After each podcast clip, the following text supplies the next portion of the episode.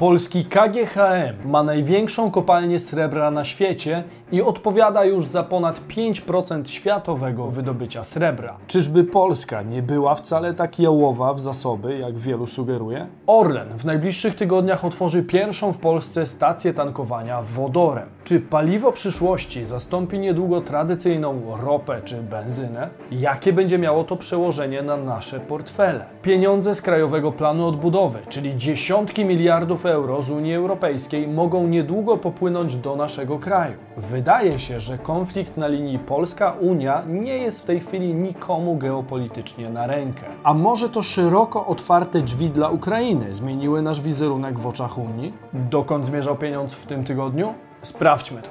Bizweek. Cotygodniowy przegląd świata biznesu i finansów. Cześć, tutaj Damian Olszewski i witam Was serdecznie w programie Praktycznie o pieniądzach i informacyjnej serii Bizweek, dzięki której co tydzień dostajecie pigułkę wiedzy o najważniejszych wydarzeniach ze świata biznesu i finansów. Warto subskrybować kanał czerwonym przyciskiem na dole, aby nie przegapić wiadomości ważnych dla naszych portfeli. Orlen otworzy pierwszą stację tankowania wodorem w Polsce. Członek zarządu Orlenu, Armen Konrad Artwich, poinformował, że Orlen otworzy w najbliższych tygodniach pierwszą stację tankowania wodorem, która będzie zlokalizowana w Krakowie. Artwich podczas środowego wystąpienia w jednym z paneli odbywającego się w Warszawie szczytu klimatycznego Together 2022 podkreślił, że obecnie nie ma odwrotu od transformacji energetycznej, a jego zdaniem transformacja znacznie przyspieszy. Ponadto zwrócił uwagę na politykę Orlenu, która zakłada nastawianie na kilka rozwiązań w ramach budowy bezpieczeństwa energetycznego. Mowa tutaj przede wszystkim o małych reaktorach jądrowych, biopaliwach, odnawialnych źródłach energii oraz właśnie o wodorze. Zgodnie z zapowiedziami do 2030 roku Orlen ma uruchomić ponad 100 ogólnodostępnych stacji tankowania wodorem.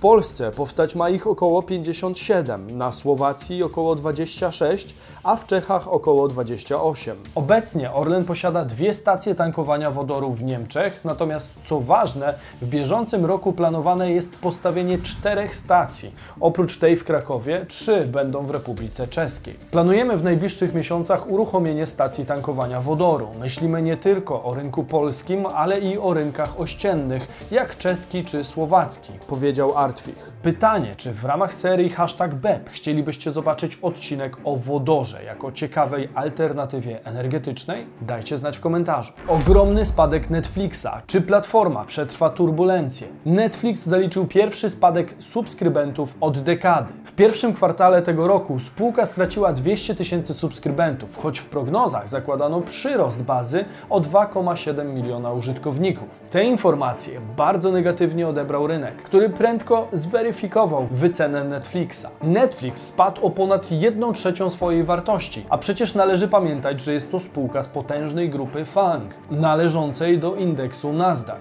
Aktualnie akcje spółki wyceniane są około 70% niżej niż historyczne szczyty, co zdecydowanie skłania do refleksji. Co jest jeszcze gorsze dla spółki, zakłada ona utratę kolejnych 2 milionów abonentów w bieżącym kwartale, przyznając się tym samym do powolnej utraty dominacji na rynku streamingu. Wzrost naszych przychodów uległ znacznemu spowolnieniu. Utrudnienia te wynikają ze współdzielenia kon w ramach gospodarstw domowych oraz rosnącej konkurencji, napisała spółka we wtorkowym liście do akcjonariuszy. Czy na tę sytuację ma także wpływ wojna na Ukrainie i wyjście Netflixa z rosyjskiego rynku? Po części tak. Zawieszenie usług w Rosji spowodowało utratę 700 tysięcy abonentów. Natomiast pomijając ten czynnik, to i tak wyniki Netflixa nadal wypadają dużo poniżej konsensusu rynkowego. Spółka ma wiele problemów, które się obecnie nakładają. Przede wszystkim należy wyróżnić mocny wzrost konkurencji, który powoduje, że wielu użytkowników odchodzi od najpopularniejszej platformy streamingowej. Duży kłopot stanowi również udostępnianie kont osobom trzecim. Ludzie po prostu oszczędzają w ten sposób pieniądze. Szacuje się, że rzeczywista liczba użytkowników Netflixa jest nawet trzykrotnie większa. Czy jest to zalążek większego problemu spółki oraz amerykańskiego rynku akcji, który jest dosyć mocno napompowany i przez niektórych uważany za przewartościowany? Mogę poświęcić cały odcinek przyszłości rynku platform streamingowych, w tym Netflixa i innych. Pytanie, czy chcielibyście taki film zobaczyć? Dajcie znać w komentarzu.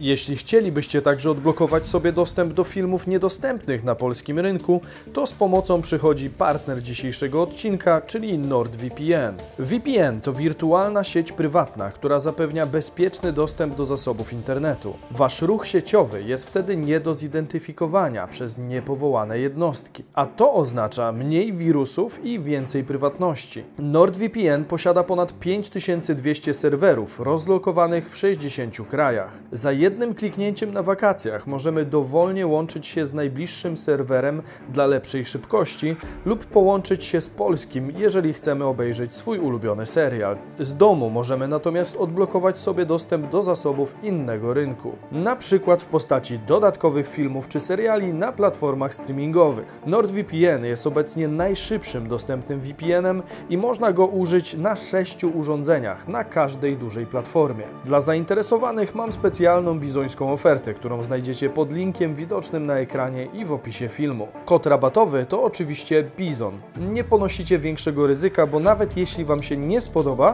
to przez 30 dni możecie zwrócić się do NordVPN o zwrot pieniędzy. KGHM ma największą kopalnię srebra na świecie. Ogromny sukces polskiego giganta w najnowszym rankingu World Silver Survey 2022. KGHM zajął pierwsze miejsce w zestawieniu największych kopalń srebra na świecie, a z kolei w kategorii największych producentów srebra koncern znalazł się na wysokiej drugiej pozycji. Według danych z raportu na całym świecie produkcja wyniosła 822,6 miliona uncji, co stanowi wzrost o 5% rok do roku. W związku z czym KGHM był w 2021 roku odpowiedzialny za 5,3% globalnej produkcji srebra. W rankingu największych kopalń polska kopalnia wyprzedza meksykańską Penasquito, należącą do amerykańskiego koncernu Newmont i rosyjską kopalnię Dukat, kontrolowaną przez Polymetal International z Petersburga. Ranking potwierdza, że przyszłość jest nie tylko z miedzi, ale i ze srebra, a to daje KGHM świetne perspektywy na długie lata. Nasze metale są niezbędne dla zielonej transformacji, a transformacja jest niezbędna dla świata, powiedział Marcin Chludziński, prezes zarządu KGHM Polska Miedź SA. Tak silna pozycja KGHM na rynku srebra jest widoczna od lat. Warto również zaznaczyć, że 16% przychodów miedziowego giganta pochodzi właśnie ze sprzedaży srebra, które jest realizowane w postaci gąsek trafiających głównie do instytucji finansowych oraz granulatu dostarczanego do fabryk produkujących materiały do zakładów jubilerskich i metalowych. KGHM może zarabiać na wzroście wyceny przede wszystkim miedzi, ale również i srebra. Od początku roku srebro wzrosło o blisko 6%, a z kolei w ciągu ostatnich dwóch lat aż o 65%. KGHM może być dobrą ekspozycją na rynek metali szlachetnych oraz rynek surowcowy. Miliardy euro od Unii Europejskiej niedługo mogą popłynąć do Polski w ramach Krajowego Planu Odbudowy. Krajowy Plan Odbudowy, tzw. KPO, to kompleksowy dokument określający cele związane z odbudową i tworzeniem odporności społeczno-gospodarczej Polski po kryzysie wywołanym przez pandemię COVID-19. Zostały w nim zawarte propozycje reform i inwestycji, które pomogą Polsce wrócić na właściwe tory rozwoju po pandemii. Polska złożyła w zeszłym roku wniosek o 23,9 miliarda euro dostępnych w ramach grantów oraz o 11,5 miliarda z części pożyczkowej. Niestety, środki z KPO do tej pory nie zostały nam wypłacone przez Unię Europejską, głównie z powodu szeroko pojętej praworządności, a w zasadzie przez domniemany brak praworządności w naszym kraju. Na szczęście jednak wszystko wskazuje na to, że środki z Brukseli niedługo popłyną do Polski. W czwartek nowy minister rozwoju i technologii Waldemar Buda poinformował, że jesteśmy w finalnym etapie rozmowy z Komisją Europejską o Krajowym Planie Odbudowy. Mamy następne spotkanie po 24 kwietnia z przedstawicielami Komisji. Jesteśmy na finalnym etapie rozmowy, powiedział Buda. Jak dodał, decyzją premiera nadal będzie kontynuował rozmowy z Komisją, jeśli chodzi o zatwierdzenie KPO. Zakładam, że bardzo szybko jesteśmy w stanie dojść do porozumienia, dodał minister. Ponadto minister Buda uważa, że pogląd Unii Europejskiej na kwestię praworządności w Polsce zmienił się totalnie. Moje spotkanie w tej sprawie zadały kłam mnóstwu teoriom, które się pojawiły w zakresie praworządności, powiedział. Dodał również, że teorie te były budowane na podstawie absurdalnych, wymyślonych, nieprawdziwych informacji. Być może zmiana myślenia Unii Europejskiej jest spowodowana konfliktem na Ukrainie oraz pomocą, jakiej udzieliliśmy Ukraińcom. Ponadto istnieją przypuszczenia, że w obronie naszych interesów stanął sam Waszyngton, dla którego Warszawa stała się znacznie ważniejsza w obliczu ostatnich wydarzeń geopolitycznych. Spór Polski z Unią Europejską nie jest aktualnie nikomu na rękę, w związku z czym wszystkie strony dążą w tej chwili do rzeczywistego konsensusu, a środki być może już niebawem dotrą do Polski, bo jakoś ta nasza demokracja przestała być dla unijnych urzędników aż tak dużym problemem.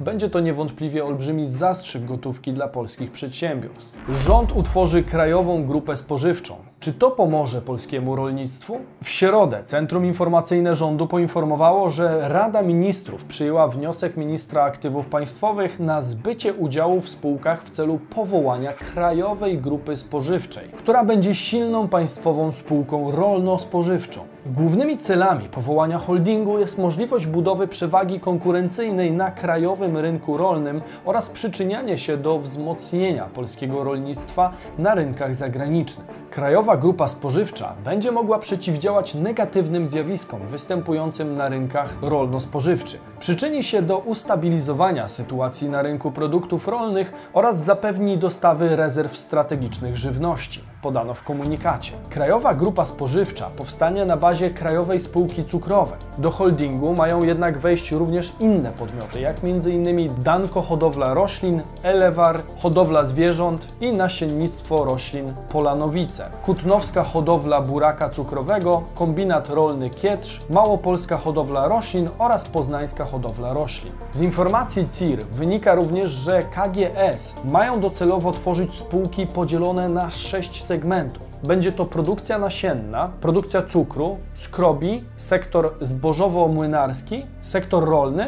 oraz przetwórstwo spożywcze. O opinię na temat powstania Krajowej Grupy Spożywczej poproszono ministra rolnictwa Henryka Kowalczyka, według którego powstanie KGS będzie kosztować równe 0 zł. Nie będzie kosztować to nic, to będzie łączenie kapitału, łączenie podmiotów. Ponadto minister argumentuje ten pomysł tym, że chcemy mieć m.in. narzędzia do walki ze zmowami cenowymi.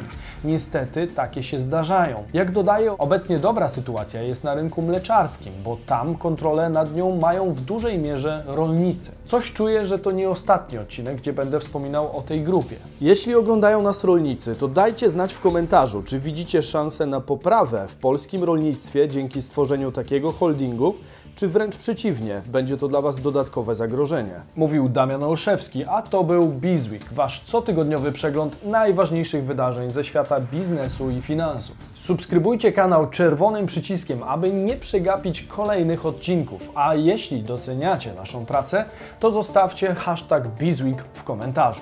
Do zobaczenia w sobotę i niedzielę o 15. Cześć!